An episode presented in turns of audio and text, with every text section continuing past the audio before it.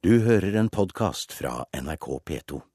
Et lydopptak av Anders Behring Breiviks forsvarstale fra retten er lagt ut på nettstedet YouTube, til tross for at det var foto- og kringkastingsforbud under rettssaken. Mannen som først la ut opptaket, sier til NRK i dag at han har fjernet det, men det ligger fortsatt flere versjoner av klippet ute på YouTube. Ina Strømstad, tingrettsdommer i Oslo tingrett. Er dette et lovbrudd? Ja, Det er noe vi nå vurderer. Vi er blitt orientert om dette YouTube-opptaket. Og så har vi eh, da sendt et brev til eh, vedkommende og bedt han om å gi eh, sine bemerkninger til dette. Vi har satt en frist til 3. august, og så vil vi på bakgrunn av det vurdere om dette er straffbart, og om vi vil gi en anmeldelse til politiet. Så det har ikke endelig bestemt at det ikke blir en anmeldelse i denne saken? Nei, Den avgjørelsen tar vi da etter at han har fått muligheten til å uttale seg. Hvilke sanksjoner kan eh, mannen som la ut videoen eh, eventuelt vente seg? Et brudd på kringkastingsforbudet eh, kan straffes da med bøter i henhold til domstolloven. I størrelsesorden? Det er ikke veldig mye praksis på dette. Men eksempelvis i Orderud-saken, hvor det var et, et brudd på kringkastingsforbudet av et par journalister, så ble det gitt 10 eh, 000 kroner i bot. Men her må eh, retten da ta endelig stilling til, til boten, dersom det skulle være tilfellet, basert på de konkrete forholdene i saken. Vi har også med oss Henrik Lid, du jobber i teknologiredaksjonen NRK Beta. Hvor lett eller vanskelig er det å, å fjerne dette når det nå ligger ute? Å totalt fjerne den fila her fra nettet, det blir nok mer eller mindre umulig. Eh, materialet som dette her er ganske kontroversielt. Og kontroversielt materiale blir naturlig nok da delt på diverse teknologinettsteder som ja, The Pirate Bay og lignende torrentsider. torrent-sider. Um, og når det blir delt én gang der, så blir det delt videre fra alle som laster det ned. Eh, som gjør at det kan eksistere flere hundre digitale kopier av filer rundt om i verden. Eh, hva tenker du om, om, det du hører her? Det, ville, ville, det vært et mål, hvis det var mulig for å si det sånn, for, for Oslo tingrett å, å, få fjernet dette helt? Tingretten ser veldig alvorlig på, på at det er begått et, et, brudd. Det er også uheldig. Så hadde det vært eh, teknisk mulig å fjerne det helt, så er det klart at det hadde vært det beste. Men uansett så er det viktig at det begrenses eh, så mye som mulig.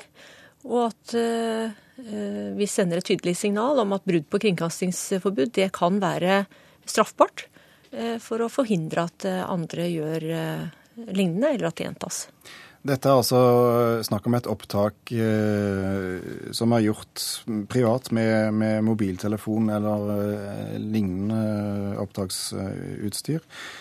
Har retten slurvet eh, med, med, sikkerheten eller forholdsreglene når denne personen da kunne gå inn og ta opp det som skjedde?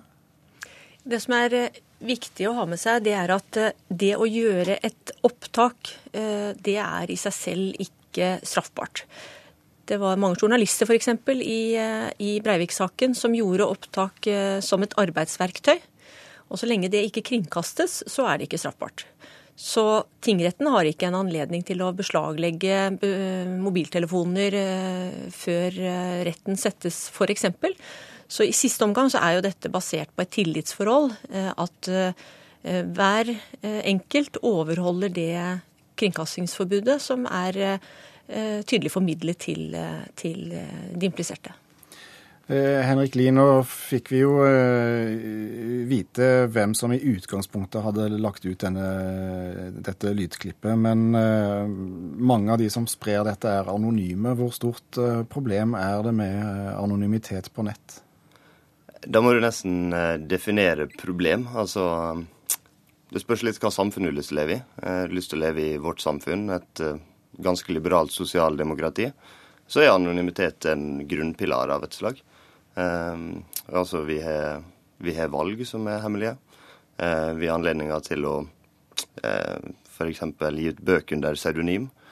Vi trenger ikke være redd for strafferettslig forfølging uh, i forbindelse med ytringsfrihet. Hvis vi da heller vil leve i et samfunn hvor alt sånn under en litt strengere kontroll, da er det selvfølgelig et kjempeproblem. Men som en sånn grunnpilar i det samfunnet vi lever i, så, så klarer jeg å definere det som et. Er det noe dere skulle ønske dere, at det var lettere å spore opp øh, folk som, eh, som, legger ut slike ting? Det, det var et tilfelle i høst også, der er bilder fra en russisk TV-kanal som ble tatt opp ulovlig på et øh, av fengslingsmøtene, ble, ble, lagt ut. Altså I det store og det hele så er det veldig få brudd på, på kringkastingsforbudet. Og i denne saken, med så mange journalister, så mange involverte, så konstaterer vi at eh, det har vært veldig, veldig få brudd. Folk har gjennomgående forholdt seg til eh, de retningslinjene og de beslutningene retten har eh, fattet. Så syns ikke vi ut fra denne saken skal trekke noen konklusjon om hvordan fremtiden bør være. Forteller denne saken oss at YouTube kanskje bør jobbe med å følge flere regelverk enn de som omhandler opphavsretten på musikk og film? I dette tilfellet her så gjorde YouTube eh, det ganske kjapt og tok ned den aktuelle videoen. Um, at det da kommer digitale kopier av det andre steder, kan ikke YouTube uh, gjøre noe med. At da det dukker opp på lignende nettsteder som Metacafé, The Pirate Bay for den saks skyld. Uh, vi har ikke noen sentral kontroll som gjør at, at enkelt bare kan fjernes fra hvor som helst på internett. Det blir litt opp til hver og en opphavsmann. Takk for at uh, du, Henrik Lie fra NRK Beta, kom til Kulturnytt. Og takk også til Ina Strømstad, tingrettsdommer i Oslo tingrett. Du har hørt en podkast fra NRK P2.